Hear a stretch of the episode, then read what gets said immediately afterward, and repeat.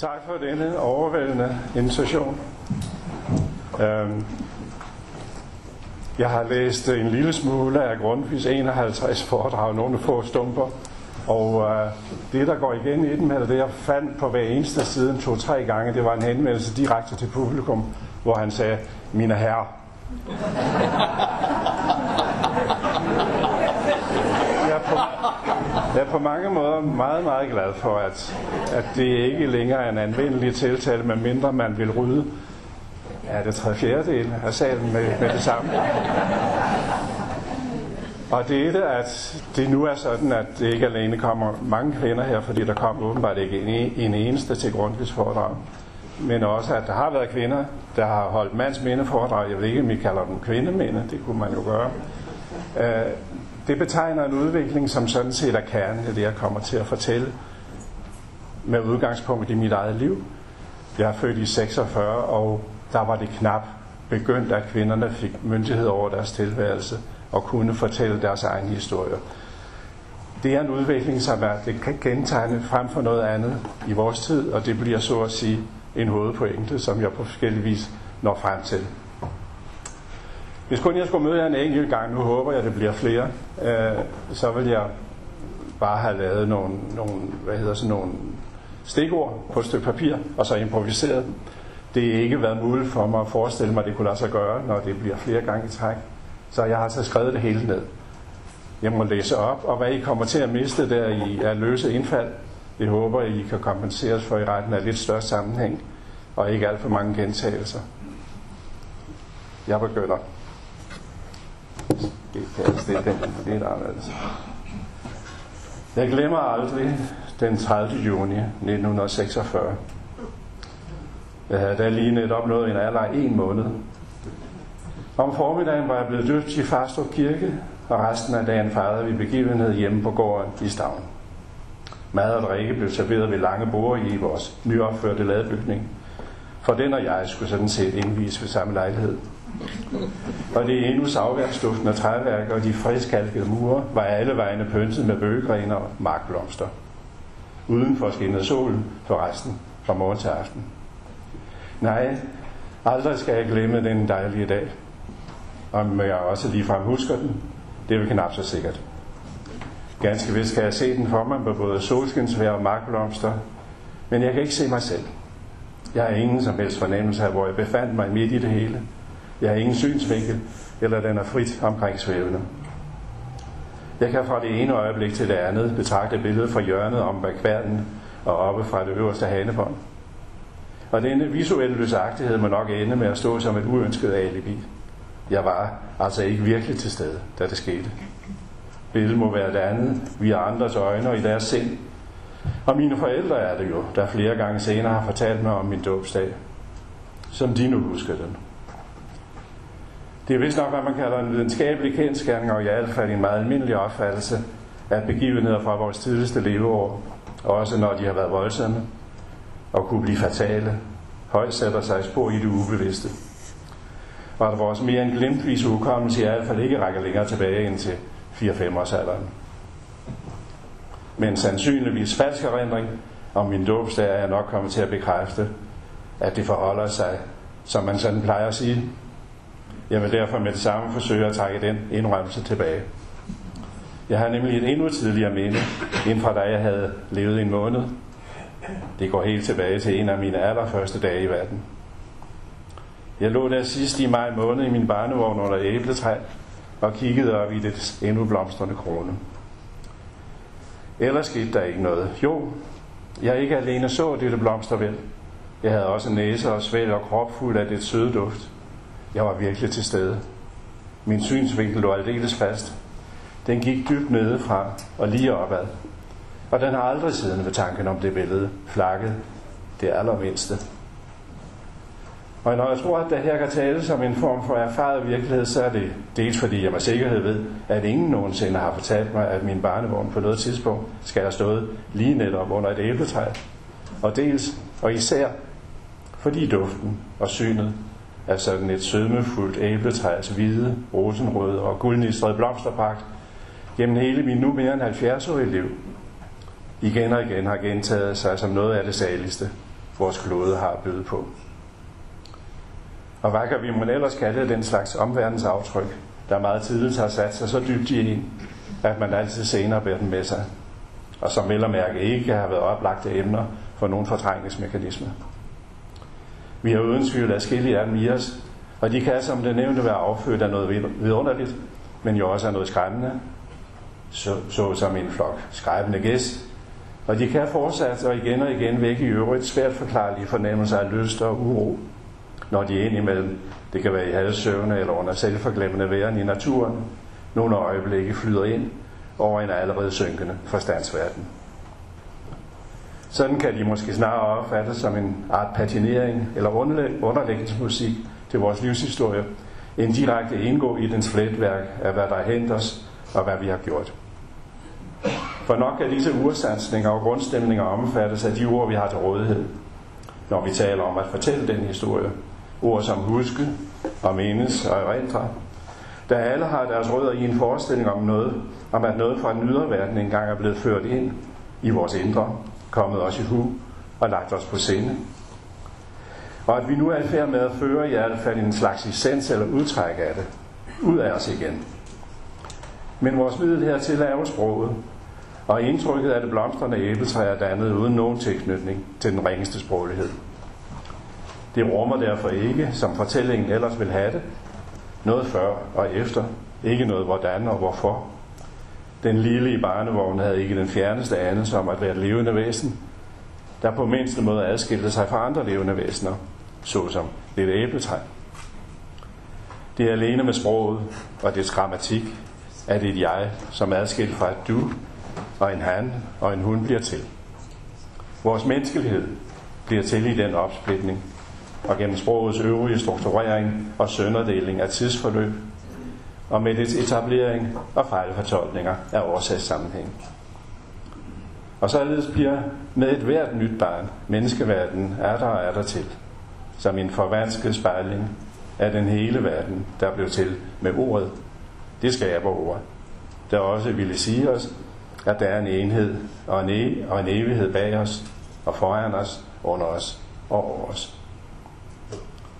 en verden, der på jysk blev til for mig, havde i det mindste i en halv evighed sit urokkelige centrum i Stavn, en landsby ved den nordvestemmerlandske del af Limfjorden. Den bestod af en klat gårde og huse og nogle hundrede hektar marker syd over bakkerne, op mod en hedestrækning og en skov, der lukkede horisonten, men så også et tilsvarende areal af kær og enge ned mod den fjord, der gav os hvide udsigter mod nord og øst og vest. Set fra landsiden lå landsbyen altså afsides. Hovedvejen mellem Nibor og Løgstør løb en 4-5 km sydligere. Kun et par smalle stikveje førte hjemad, og ingen fremmede kom forbi, uden at have det ærende lige netop hos os. Udover vores mere end almindelige isolation adskilte vi os også fra de fleste andre steder ved ikke at have en kirke. Stavn havde aldrig hørt til en hovedgård, der kunne stå for sådan en byggeri, og vi kunne derfor heller ikke senere rammes af de landbrugreformer, der ophævede landsbyfællesskabet, og dets nogenlunde lige fordeling af ejendomsretningen over fede og magre, nærliggende og fjernere jorder. Vi var lutter gamle selvejergård, og vores ære lå stadig i smalle strimler både her og der og alle vegne. Vores stuehus og stalle lå samlet og tæt klinet op af hinanden. Flere af gårdene havde deres mødinger liggende ud til vejen, og de udsivende mødingsafter sørgede for, at hullerne i grusvejen, også i tørvejr, var til at soppe i. Men endelig, og især havde vi, hævede vi os over nabolandsbyerne ved at have en fiskerbefolkning. Takket være fjorden jo, er næret hen ved en tredjedel af indbyggerne sig endnu uden, eller næsten uden, at få jord under neglene. Fiskerne og bønderne levede i samdrægtighed. Men i det store hele, dog hver for sig. De nærede en vis gensidig diskret skepsis, eller en forbehold med med hinanden. Bønderne syntes, at fiskernes indtjeningsmuligheder var sørgeligt beskedende. Fiskerne beklagede, at bønderne måtte slide sig her hjælp. De tilhørte antageligt fra tidernes morgen hver sit folkeslag. Jægerne og fiskerne kom som bekendt til landet hurtigt efter istiden, vist nok især nede fra området omkring Pyrenæerne, mens bønderne ganske langsomt rykkede nordpå fra Mellemøsten. Men fra den tid, da disse mørkløde æredyrker om sider nåede helt herop og begyndte at rydde skove og slæbe sten ud i diger, er der ingen tegn på, at de hverken har bekriget eller blandet sig med det oprindelige blåøjede jægerfolk. En af fiskerfamilierne i vores by hed Skødt, hvilket jo røvede, at de også engang havde været jæger. De havde vel så efterhånden i al forsommelighed affundet sig med, at det meste af jagtterrænet blev opdyrket og indstillede sig på at nøjes med fjorden. En smule jagt var der naturligvis fortsat, og det skulle inden så længe vise sig, at byfolk ville betale mange penge for at gå på vores marker og enge med deres dyrekøbte våben. En anden jagtegnet hold ejede vi også. Men forløbet fik hvem, der havde lyst til, til at skyde, hvem havde lyst til at skyde, hvad de ville, mod at forære os en smule af udbyttet, et par aner eller en har. Min far havde i øvrigt selv en havlbøsse, men han anvendte den vist aldrig undtagen nytårsaften, hvor han ude på gårdspladsen og op mod nattehimlen affyrede en 3-4 højtidelige bragende salver. Selv kunne jeg godt lide at omgås fiskerne og følge lidt med i deres arbejde nede ved landespladsen med at bøde og tjære deres garn. Og min åbenlyse interesse for andet end stald og mark fik jeg til nogle af dem til at råde mig til så snart som muligt at komme væk fra det landbrug, der ville kroge min ryg og forkrøble mine lemmer. Jeg burde så snart jeg blev konfirmeret stikke til søs, som flere af dem selv i deres ungdom havde gjort. Tanken om det tiltalte mig afgjort, og et par af de store drenge, jeg beundrede, havde allerede fået deres første hyre. Men der var endnu længe til min konfirmation, og indtil videre tilhørte jeg alligevel i bund og grund bøndernes rige, og kunne ikke helt for alvor forestille mig, at det nogensinde skulle blive anderledes. Vores gård stod for mig som det eneste sted i verden, jeg rigtig kunne være. Her levede vi sådan, som det måtte være meningen, at livet skulle leves. Med alle de andre omkring os naturligvis. Og jeg fik tidligt indprintet, at ingen af dem kunne undværes, og at vi alle i byen, hver på sin vis jo, var lige meget værd. Men jo da, en hver gjorde sit, for at byen kunne bestå, og det galt som man også dem nede i brusen og henne ved købmanden. Og det galt selvfølgelig ikke, mens de daglejere, vi nu der havde brug for, og smeden, sagde sig selv, og snekeren, han var jo også altid i gang med at bygge en båd, eller endda en kog til en af fiskerne. Min far holdt sig længe til sådan en pligtfølelse over for det gamle fællesskab, og han afviste kalene, når de selv ville tømme eller smede, som de havde hørt var begyndt på at gøre det andre steder. Skulle vi nu ikke bare anskaffe os vores eget svejseapparat, kunne de foreslå, for det ville nemt kunne betale sig. Og de kunne da også sagtens selv smække nogle brædder op. Men nej, blev han ved med at svare. Hvad vil I da have, at smeden skal leve af? Hvad skulle snekeren leve af? Og måske var den traditionelle forbundethed iblandet en lige så indgroet uvilje mod, at en gårdmand som han skulle beskæftige sig med noget som helst andet end sin jord og sine dyr. Resten måtte de, der intet selv ejede, tage sig af. Min far var som 9-årig blevet revet væk fra sine forældre. Han måtte vinke farvel til en meget børnerig familie længere nede på Nibekanten, for i Stavn at blive sat i pleje og adopteret af en farbror, der ellers ingen børn havde. Jens hed han, farbroren, og jeg er opkaldt efter ham. For det var jo ham, der testamenterede vores gård til min far. Desværre døde han så lidt tidligt, denne farbror Jens, og min far måtte overtage sin arv, da han kun var 16-17 år gammel. En ældre bror og hans kone blev indsat som driftsbestyrer og husbestyrerinde, men allerede inden deres første år på gården var til ette, havde min far smidt dem på porten. Han kunne selv og ville selv. Og det gik. Men at han i så ung en alder kom til at have en hel del folk under sig og kunne skalte og valte med dem, ikke alene efter behov, men indimellem måske også ifølge sine luner, det var uden tvivl et svært vilkår at blive voksen på. Det gjorde ham ikke til et magtmenneske af den ubehagelige slags. Dertil var hans magt ham nok for selvfølgelig. Men det kom til at tage mange år af hans liv, inden han fik lært at kunne vende sig til, at andre ikke altid og uden videre behøver at rette sig efter ham. Og at enhver modsigelse fra eksempelvis en søn ikke nødvendigvis indebar et brud på verdensordenen. Blandt alle de vanskeligheder, han som meget ung mand kom til at stå overfor, var jo også den efter fyringen af sin svigerinde, at skaffe sig en god husbestyrerinde. Jeg har aldrig helt fået rede på, hvor mange han måtte forsøge sig med, inden det endelig lykkedes. Men han udskiftede dem som regel indtil han nåede 25-årsalderen hvert halve år. En del af de krav, som så mange af de stakkels kvinder åbenbart ikke kunne eller ville honorere, stillede han dem uden tvivl med henblik på at teste deres eventuelle kvalifikationer til at blive hans ægte hustru. Da min mor så i Aalborg Amstiden havde set hans annoncer og var blevet interesseret og havde lavet sig feste for en vinter, der måtte han nok for en gang skyld til selv at lægge sig i selen for at beholde hende.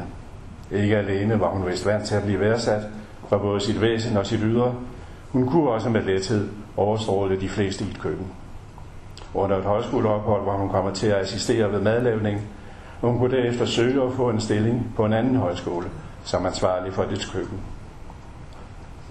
Et dygtigt par kunne de blive, og blev det.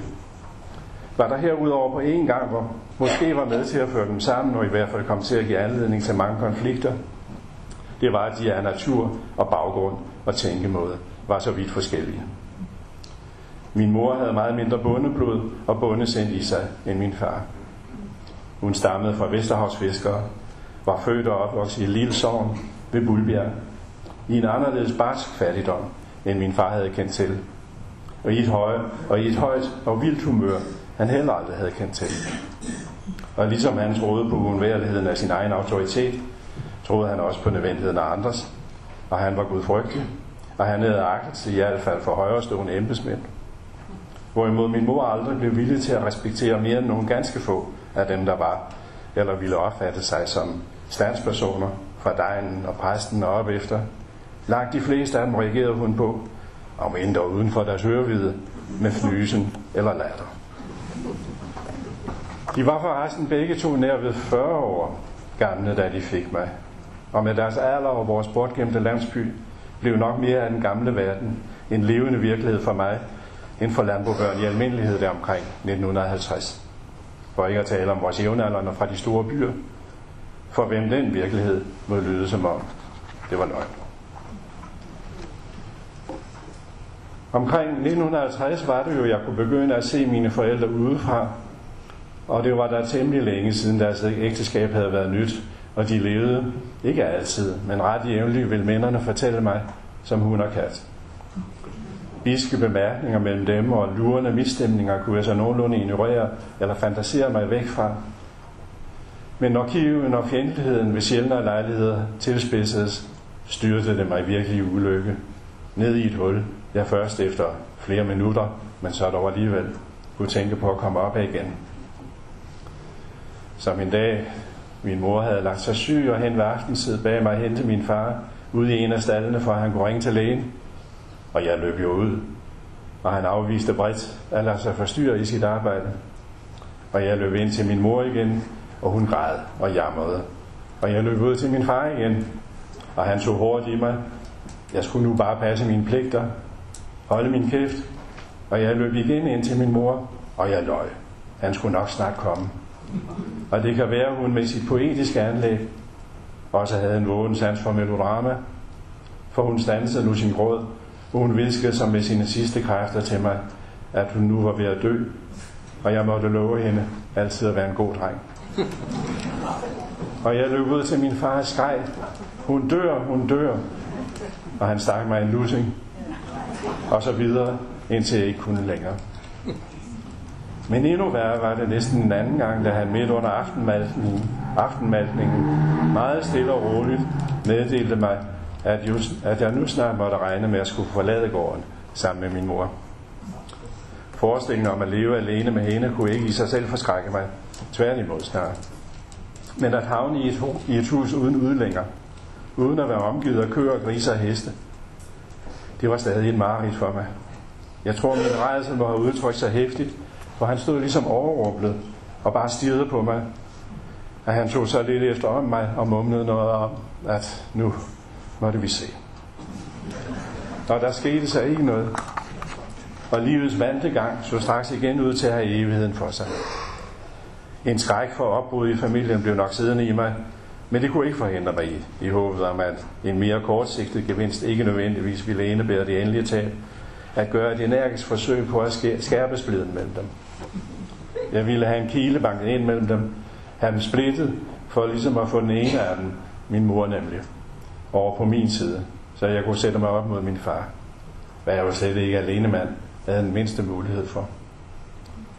Jeg satte, jeg satte mig derind i køkkenet og klagede til hende over hans strenghed. Han slog mig for tit, og han forlangte alt for meget arbejde af mig, og jeg måtte ikke regne nær så meget rundt og lege og drive den af, som alle andre fik lov til hele tiden. Hun hørte på mig, og det kan være, at hun prøvede at trøste mig lidt, og hun kom måske med et ekstra stykke, stykke kage til mig. Men til syvende og sidst var der ikke noget at gøre. Slaget var aldeles tabt, for så snart jeg var færdig med at jamre og gå for Ima, gav hun mig besked på at komme ud af køkkenet, ud til min far, som sikkert gik og ventede på, at jeg fik gjort noget ved det arbejde, han havde sat mig til. Et knusende nederlag var det jo, og jeg følte mig ensom og magtesløs over for deres uadskillelige vilje til at underkure mig. Men denne udartede sammensværelse kunne dog lidt efter lidt forvandle sig i mig, og dens fjendtlighed kunne der fornemmes som en omsluttende varme, og dens nådesløshed som at få fast grund under fødderne. Hele min tilværelse var jo i deres hænder, og hvis de indimellem kunne være hårde, så var det dog godt, at de også var forbundne, og sammen kunne bære mig op. Det vil jeg tro er baggrunden for, at mine barndomsår indtil omkring 10-årsalderen kunne opleves og kan huskes som lykkelige.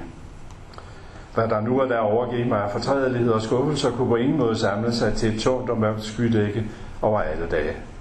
Det blev hastigt og igen og igen bortvejet, og solen skinnede over bakkerne, over skoven og fjorden og hele byen. Og jeg sad en gang oppe på den sol og fløj hen over det alt sammen. Det var ganske vist i drømme, for jeg lå i fuld narkose oppe ved doktoren og fik min hage syet sammen efter et cykeluheld. Men billedet bevarer hele sin lyskraft, da jeg var vågnet op og længe efter, og det gennembrød og splintede en hver tvivl om, det vidunderlige i at være mig, og lige nu, og lige hvor jeg var. Jeg var lykkelig, og med det ord mener jeg i denne sammenhæng, at jeg langt det meste af tiden ikke behøver at tænke på mig selv. Og var så fri for selvtvivl og selvmedlidenhed, at jeg umiddelbart kunne gå et, kunne gå i et med alt omkring mig. Jeg var opslugt af dagligdagen, af fodring og maltning og udmugning, af markarbejdet med plov og have, med såmaskine, hakkejern, læ og selvbinder, for ikke at tale om kastrering og slagtning af grise, og de vældige optrin, når vores dyr skulle bedække kvier og køer. Og under deres arbejde med alt det beundrede jeg min far og vores kaler og glædede mig til at blive som dem og kunne så meget. En af de tidligste opgaver, jeg selv blev betroet, var den at skrabe sukkerroer til hestene, når de i vintermånederne, vintermånederne stod opstaldet. I båsene havde vi en halsnes fuldvoksne arbejdsheste og i par folde nogle plage og føl, og de skulle alle sammen forkæles. De skulle være sunde og stærke og i stand til at trække selvbinderen op over bakkerne, når det blev sommer. En smule halm fik de nok, som også køerne, men det blev ikke bare smidt hen for, foran dem, så langt det var. Det blev finskåret til hakkelse, og så fik de ellers havre og de sukkerroer, altså, som jeg omhyggeligt rensede for jord, for deres sarte maver skulle ikke udsættes for så meget som et sandskorn. De skulle skrabes, der skulle skrabes et par vægger kurve fulde, og det tog mig hver dag hen ved en hen mod aften en times tid. Jeg sad med min lille kniv på en trebenet skammel under en 15 watt pære, og hestene gumlede stilfærdigt på deres havre, og kun med lange mellemrum flyttede en af dem på en jernbeslået hov og skramlede en anelse mod pækstenene. Ellers var der stille, og så godt som mørkt, og så uendelig hyggeligt, og lunt i hesteluften, og arbejdet lagde sig dit beslag på mit hoved, at jeg kunne udvide den verden, der omgav det, med alle de andre verdener, der lå oplagret inde i det. Også da det lidt senere blev en af et stadig større antal pligter at trække køerne den lange vej til græsning ned i engene, kunne jeg længere gang synke ind i mig selv, og som i en dobbelt eksponering lægger billederne derinde fra ud over eller ovenpå, hvad jeg lige der faktisk sandt omkring mig. I hvad jeg senere ville kalde naturen, var jeg den skønhed, der på en gang kunne stille og åbne sindet, skønt jeg jo hverken havde det mindste begreb om nogen natur, eller så meget som bare vagt skældede den fra, hvad jeg lige så dybt kunne fortabe mig i af gammel ravelse i maskinhuset. Jeg tog det alle sammen til mig, betragtede knap tingene hver for sig og på afstand. Nok kunne jeg, alene derude under himlen, hæfte mig et øjeblik ved en svale og den sortblanke smut og svirp gennem luften, eller ved en rødplettet sten, og så en glas og grønstribet sten, eller ved en sky, der måske lignede en løve med en vældig manke, eller ved en blomst, der var så glinsende gul, at det næsten skar i øjnene. Men det var der alt sammen som en helhed af velvære. Hele universet som en genfundet livmor, jeg frit kunne flyde i. Og alt imens jeg sådan træsker afsted med, kor, med køerne i hjulsporene langs kanalen ud mod Østringen, færdes jeg samtidig i alt, hvad jeg hidtil havde hørt fortælle, og måske selv digte til. Min far fortalte om den unge kæld, der skulle passe en farne så. Men så snart en lille gris var kommet ud, blev den et af sin mor. Og katten løb forskrækket ind til sin husbånd, og han blev sendt ud igen. Og en lille gris var der atterfødt, og han løb glad ind og meldte, at den, der var blevet et, nu heldigvis også var kommet ud igen. Men da han så var tilbage ved solen, var han ved at æde nok en gang. Og han løb ind, og han råbte op, og han måtte skynde sig tilbage til solen, og så fremdeles en halsnes ture. En vandrehistorie, som Albert Dam på nogenlunde samme tid sad, sad langt sydpå og skrev ned. Min far kendte forresten værket til ham, eller til Johannes V. Jensen, der for længst havde nedskrevet flere andre af min fars historier. Også den rigtig sjove og lidt uhyggelige om folkene på Syvsårgården. Men ligesom Dam og Jensen foregik det hos min far altid lige her, hvor det blev fortalt, og begyndte som regel med sådan noget som, det er nu nogle år siden, at der her i Stavn. Tordenkallen havde dog virkelig haft sin gang i vores by. Det stod fast for en vejr. Han var flere gange kommet og havde fået lov til at overnatte på slagbænken i køkkenet hos farbror Jens. I løbet af bare det første skoleår blev det desuden forsynet ikke alene med alle de sandfærdige historier om Kong Skjold og Uffe, hendes bage, og Rolf Krake og Reiner Lodbro, men også med dem om Kain og Nora og Jonas og Samson. Vi fik vist ikke nærmere besked om, hvor og hvornår de forskellige havde levet, og det ville i så fald også være gået hen over hovedet på mig. For inde i det var de stadig lyslevende, og alle deres eventyr udspillede sig lige omkring mig. Jeg vidste, hvad det var for et af de tjærede skure, skure nede ved fjorden, Kraker var søgt ind i, for at finde et fiskenet at tage på sig. Og jeg kunne når som helst udpege det sted, oppe på højhærerne, hvor David havde mødt Goliath. Jeg var selvfølgelig klar over, at de var en anden slags folk. En rødmas og møllepit, og Jens Gåtid og den ene i fattighuset, og hvem der ellers blev snakket en del om i byen. Så som også en tumpe og en galning. Begge ville senere hen utvivlsomt være havnet på institutioner, men gik nu stadig som tilfælde rundt mellem os andre. Og mange andre. Jeg dem alle sammen bød på mærkværdighed at undre sig over, og jeg lyttede grådet til alt, hvad der til alt, hvad der blev sagt alle vegne, fra skrålende eder og forbandelser over svedende sjovfuldheder, og spydige latterskoverne gamle kone visdom, til fiskernes højtidsfulde belæring om stjernerne og planeterne, hvor de stod og hvad de hed.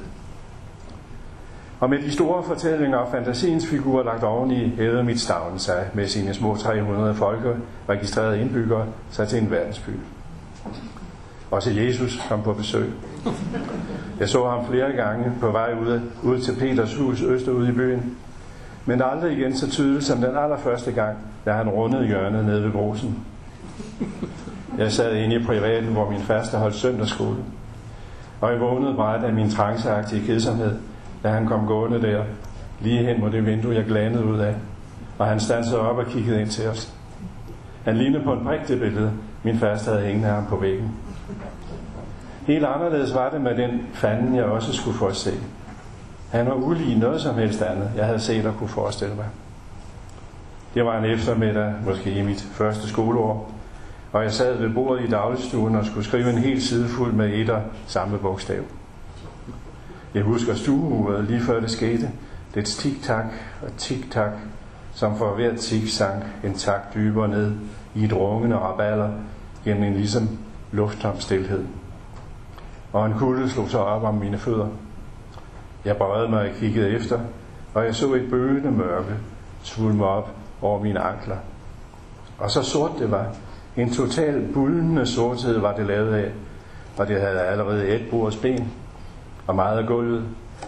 Og en ætsende smerte skar sig nu op gennem hele min krop, og den strakte mig ud i en krampe og kastede mig omkuld. Det havde ingen tid taget, og jeg var død, troede jeg. Lidt efter kom jeg alligevel op og stå, og jeg styrtede ud af stuen, ud af huset, ud midt på gårdspladsen, og jeg skreg alt, hvad jeg orkede. som for at skrige det der alt fortærende mørke ud af mig og væk, og for samtidig at tilkalde en hjælpende magt. Fanden er her, fanden er her. Jeg var en lille smule sær. Jeg nævner det ikke lige her for at antyde, at det skulle have noget med hverken Gud eller fanden at gøre. Det var vel ganske normalt at have noget kørende med de to. Jeg nævner det nu kun, fordi dette lidt sære, der var ved mig, kom til at spille en stadig stærkere rolle. Stadig stærkere ind i første omgang i mange i sig selv, måske ret ligegyldige situationer. De kunne så blot i visse mere afgørende have håbet sig op og få stor betydning for mig. Selvom jeg altså i grunden ikke tror, at jeg var så at sige særlig sær. Kun lige nok til, at jeg også selv kunne fornemme det, efterhånden som det blev fornemmet af andre. Det blev det åbenbart inden så længe. Jeg var ikke vokset meget op over voksen knæhøjde, da jeg første gang fik rigeligt at høre om det, og det er forresten vist nok mit allertidligste, helt ubetvivlige og glaskar minde. Jeg befandt mig der mellem de før omtalte knæ, og det var hvordan en familie kom sammen hos en af mine fars brødre, og alle fasterne og tanterne havde efter middagsmaden samlet sig i havestuen med deres sygtøj. Og jeg gik så lige en runde derude og kiggede på de flittige hænder på disse knæ, der stumpede frem under kjolerne. Og solen stod langt hen på den sommeraften skarpt ind gennem de store vinduer og glemtede i fingerringe og armlænker. Og der blev snakket naturligvis. Jeg hørte eller fattede ikke om hvad. Ikke før jeg var på vej ud igen. Der kunne jeg høre en af tanterne tæt bag mig viske, men på en måde, der skulle høres. Jeg har aldrig kunnet lide den dreng. Nå, men øh, hvorfor må ikke? Det havde jeg naturligvis ingen anelse om. Det festnede sig bare i mig, at der for andre kunne være noget ubehageligt ved, at jeg var der. Noget, som måske kunne virke fremmedartet, utilgængeligt eller afvisende, og for nogen vel sagtens mere godmodigt lattervækkende end instinktivt afskrækkende. En hver slags stussende reaktioner på mit blotte væsen kunne jeg de følgende og observere, men fortsat uden at begribe, hvad det var, og hvad det kunne skyldes. Og jeg forstår det stadig ikke, nu så længe efter, at det i løbet af pubertetsåren til synlæderne gik af med, eller pludselig forvandlede sig og fandt udtryk, der er de allerfleste kunne betragtes med et roligere, knap så tvetydigt blik. Nej, jeg forstår ikke noget af det, og jeg vil i grunden heller ikke. Ikke fordi jeg har det mindste til overs for nogen anti-intellektualisme eller nogen påtaget naivitet. Jeg vil slet ikke afvise, at der kunne fremlægges en række pænt interessante forklaringer både af miljømæssig, udviklingspsykologisk og genetisk art. Men alt hvad jeg har kunnet læse og tænke mig til den retning, forekommer mig alligevel at høre hjemme i omsvøbsdepartementet. Utilstrækkeligt og reduktivt, selv i forhold til en rene kapitulation i min egen ikke-forklaring. Sådan var det bare. Skønt det vel også var det, det ved mig, der ikke altid kunne nøjes med at ligge i mig og mit væsen, men lejlighedsvis ville manifestere sig aldeles åbenlyst som dårlig opførsel. Det kunne gå ud over min søster, når hun, når hun ellers ville mig det bedste. Hun gik eksempelvis højt op i spejderlivet under farståbspræstens ledelse, og hun helmede ikke, før hun fik mig slet med, for jeg skulle da også opleve, hvor skønt det var. Det viste sig så straks at være en lidelse for mig, der var ikke det træls og beskidte arbejde, jeg i 100 gange hellere ville være sat til derhjemme. Og jeg måtte jo altså på hjemvejen bedrøve hende med, at jeg aldrig i livet ville være med til sådan noget mere. Ikke desto mindre lykkedes det hende senere i hvert fald halvvejs at overbevise mig om, at det ville være forfærdelig synd for mig at gå glip af de nærmest ubeskrivelige glæder ved at gå til dans. Og jeg gik om sider med hende. Det var nu bare så slemt for mig med det der dans, at vi ikke engang kunne føle sig hjemme igen. Jeg flygtede i vild panik ud af forsamlingshuset efter det første kvarters tid, og min søster måtte med sig over familieskabet. Hun, op, hun opgav dog aldrig og ville mig det godt lige så lidt som min endnu ældre bror. Han havde et livsglad overskud, og uanset hvor urimeligt det tæde mig, sendte han mig et stort smil, og løftede mig op og sidde på sine skuldre, og løb en runde med mig, og fandt så på noget andet sjovt. Og jeg havde da allerede fuldkommen glemt det anfald af tristhed, som måske virkelig havde givet mig en trang til at være endnu sværere med at gøre, end jeg måske i forvejen bare var. Jo, forklaringerne ligger på spring. De bedste af dem kunne muligvis endda være anvendt til at normalisere mine tilbøjeligheder. Men jeg voksede op i et bundesamfund, hvor jeg endnu ingen gav sig af med nogen forklaring på hverken mine eller andres besynderligheder. Den almindelige gyldige sammenfatning er alt snak desangående hvor det lyde, Men sådan er han nu. Vi havde ikke forladt, hvad der i den store verden for længst var blevet arkiveret som en 1700-tals opfattelse af et menneskets karakter, som noget givet, der aldrig ville kunne laves om på, og som, derfor, og som man derfor også måtte prøve at godtage. Sådan så vi stadig på det hos os. Vi var, som vi var, og vi gjorde næsten alt, hvad vi kunne for at affinde os med hinanden. Og for så vidt jeg ikke forsøgte mine pligter, fik jeg lov til at leve nogenlunde i fred, med hvad jeg også nu ville lade stå som min lille særhed. Jeg bestræbte mig da også ihærdigt på at møde op, når de der pligter kaldte, og flere af dem kunne jeg faktisk også fuldføre på en måde, der ikke gav anledning til mange bebrejdelser. Og hvad de andre angik, kunne jeg nu og da være så heldig at slippe fra dem, uden at det gik helt galt. I enkelte tilfælde var det endda lige ved, at det kunne virke som om, der ikke var langt igen, før jeg var blevet rost. Det skete på sin vis virkelig efter, at jeg gennem nogen tid havde kørt frem, som vi sagde. Jeg var en 7-8 år, da vi fik vores første Ferguson. Og når jeg, når jeg sad yderst på sædet, kunne jeg med tåspidserne lige nå koblings- og bremsepedalen på hver sin side af kadangaksen. Og jeg blev dermed det samme betroet posten som traktorførende. Traktorfører, når kornene skulle læses, og når roerne skulle samles og køres i kugle. Galene gik da til højre og til venstre for gummivognen. Det var under det arbejde en fordel, hvis en af dem var kajtøjne. Og de fukkede op, rette eller skævt, som det nu kunne falde neene op til min far, så han kunne lægge et ordentligt læs, og roerne bare op i ladet, til det var fuldt. Og jeg kørte frem. Nogle meter ad gangen til det næste par traver, eller en vognlængde mellem de rækker, roroptagerne havde lagt af aftoppede kohlrabier. Og jeg trillede så op fra enden af æren og sad æren og sad der i mit førersæde og kiggede på deres arbejde. Nej. Jo. Med at læse af og forme en anstændig kugle. Men var det læskuren, der skulle køres hjem i laden, så måtte jeg de første mange gange rykke ned og overlade rette til en kal. Indtil altså en skønne dag. Der faldt de ord, jeg havde drømt og bedt sig inderligt om at høre. Du har måske også selv kørt med sig hjem. og at køre på landevejen, det var et eventyr at sidde der og give den gas og skulle skifte op i både andet og tredje gear. Ja, det var knap, jeg kunne fatte, at det nu overgik mig. For det måtte vel være sådan, det føles at blive rost. Og der var andre opgaver, der var spændende, at jeg al magt ville gøre mit yderste, men som alligevel også var så vanskelige, at jeg næppe kunne løse dem, uden også at have en trussel om straf hængende over hovedet. Det galt for eksempel, når vi om efteråret skulle have kvierne hjem fra engene, galene indfangede dem med lassoer, og min far bandt dem derpå til stolperne, bandt dem derfor til stolperne i indhegningen, og jeg var så inde i billedet som mellemmand. Jeg fulgte efter galene under deres løb. Når en af dem havde fået lykken om halsen på en kvige, skulle jeg helst være i nærheden, så han straks kunne række mig rebet, og jeg skulle så holde fast i det, til min far nåede frem og kunne overtage det. Men at holde fast, det var svært. Kvierne oksede afsted, og jeg blev slæbt efter dem, rutsende på maven, hen over det kolde, svubende engbund og gennem smattede kokasser, og rebet bed og sved i hænderne. Og jeg bed tænderne sammen. Og jeg kunne. Fik det snærende og revviklet om håndledene og holdt ud. Vi havde en gang sluppet og var kommet til at klage og klynke over, at jeg altså ikke kunne. Og der var det oven i skammen, lige på stedet, vankede en lusing. Og der var der stadig så mange andre ting, jeg alligevel gik i stå med. Måske kunne undskylde med mig med, at jeg synes, de var så kedelige, og mærken nok synes, at det var kedeligt at faktisk spinder dem ned. Og at gå mellem endeløse kartoffelrækker og rykke de utallige melder op, og hive og slide i gråbønkerne med deres dybe sejrødder.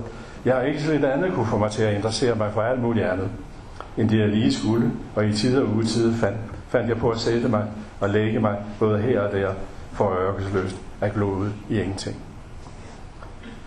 Til min i sig selv forstemmende dogenskab kom så, at jeg så snart jeg fik lært at læse, begyndte at foretrække livet blandt indianer og sørøvere, frem for stilfærdige sysler som at strø sand på midtergangen i kostallen. Jo, jeg befandt mig bedre end selv at rette på traktoren, når jeg var krybet ombord i en undermandsbåd, eller sad i cockpittet af en jet, jetjæger og affyrede maskingeværsalver mod et andet fly af umiskendelig russisk herkomst.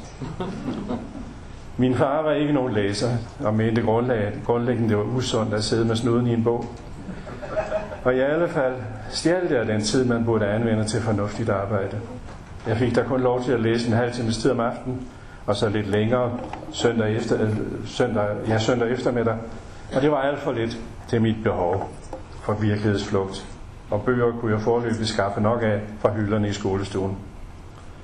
Jeg snød mig der til at læse i den. Jeg løj om lektier, jeg skulle lave. Jeg gemte mig i skumle kroge både ude og inde. Og hvis, min bog, og, hvis, og hvis min bog skulle savne det mindst i spænding, fik jeg nu så meget mere af den ved selve læsningen, og hvad den indebar af skræk for at blive opdaget. Det blev jeg selvfølgelig af til. Og det siger sig selv, at straffen skulle kunne mærkes. Almindeligvis blev det betragtet som det værste af alt at være uvillig til at arbejde. Men da jeg nu også havde gjort mig til en løgner for at slippe fri, det bragte min far til en fortvivlelse, der lagde kraft i hans slag. Det kunne være efter sådan en afstraffelse, at jeg kom til at tvivle på dens retfærdighed.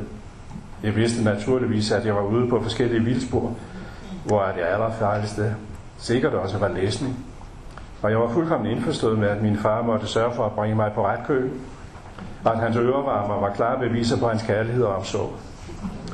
Men jeg kendte på den anden side flere jævnaldrende, der fik lov til at læse alt, hvad de ville, og nogle af dem måtte til med købe en bog i ny og næ.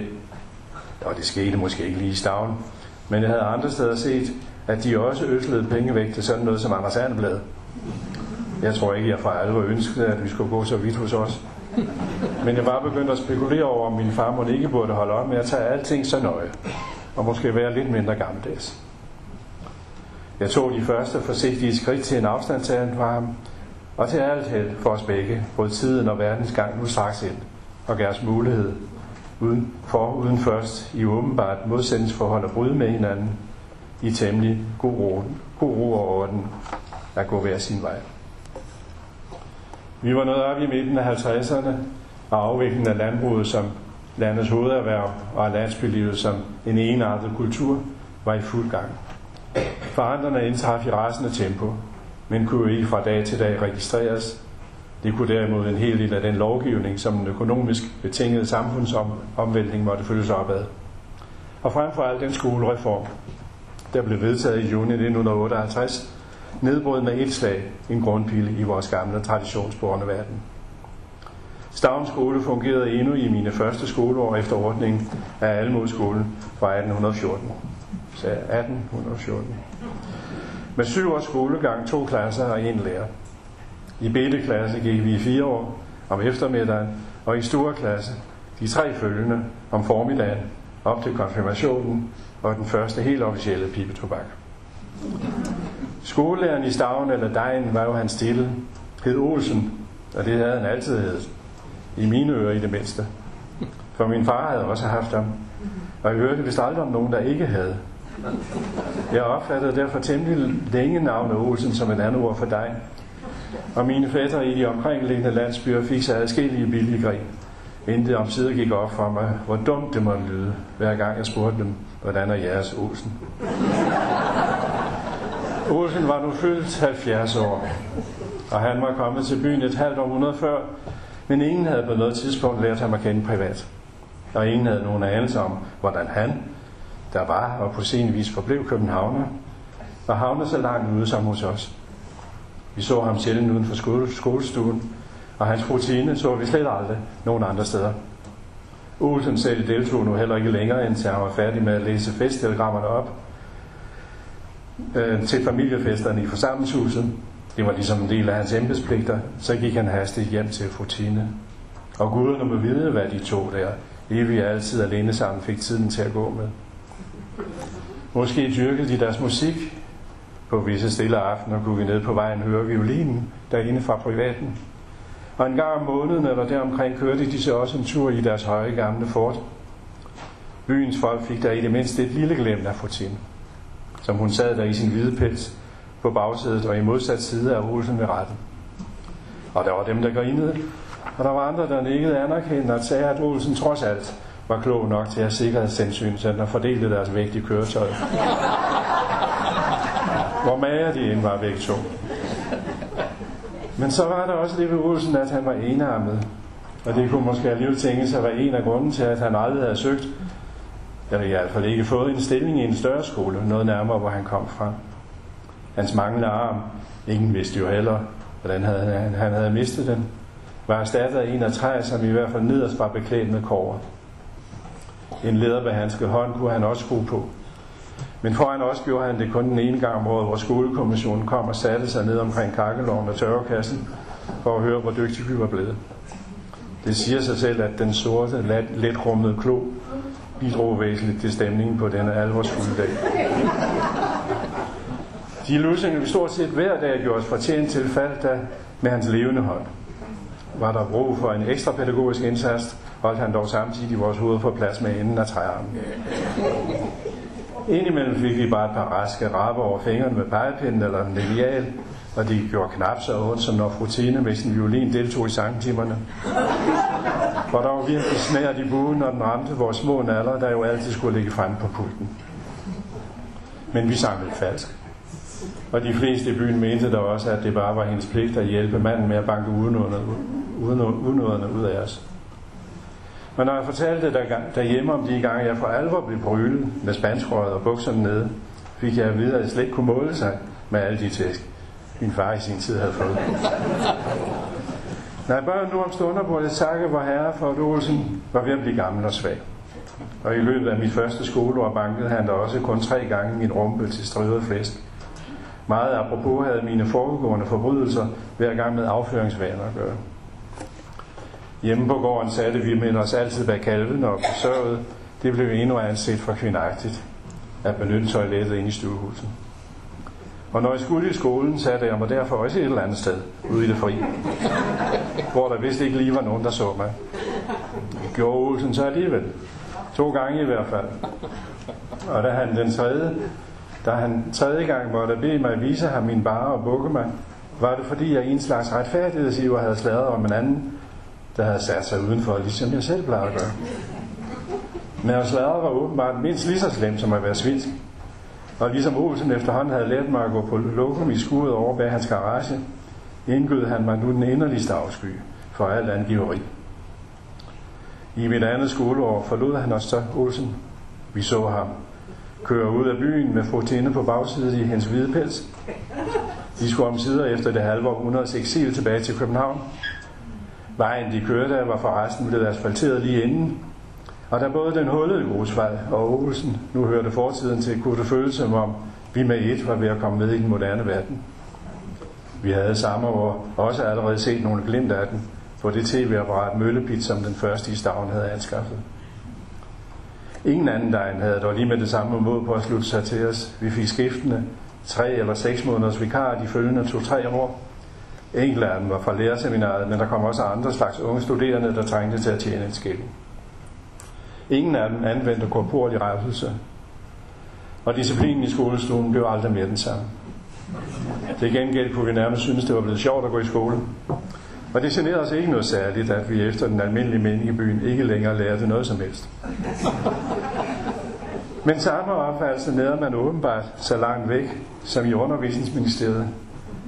Og det kan være, at deres bekymringer indgik som et led i forberedelsen til skolereformen, og måske var de også der i de meget amerikanske 50'er inspireret af tanken om at lede efter intelligensreserver, selv i de allermest åndsforladte afkroge. Midt i mit fjerde skoleår sendte de i hvert fald to sæt livopgaver til bedteklasse i Stavn. En diktat og nogle regnestykker. Og da vi efter bedste evne havde løst dem, blev de returneret til hovedstaden. Nogle tid efter kom der så besked om, at to af skolens elever med det samme burde tages ud af den, og overflyttes til en købstadsskole, og jeg var den ene af dem. Ja, tænk på, om jeg skulle slutte her. Jeg har ikke helt noget, hvad jeg har skrevet til i dag, men det får I næste gang.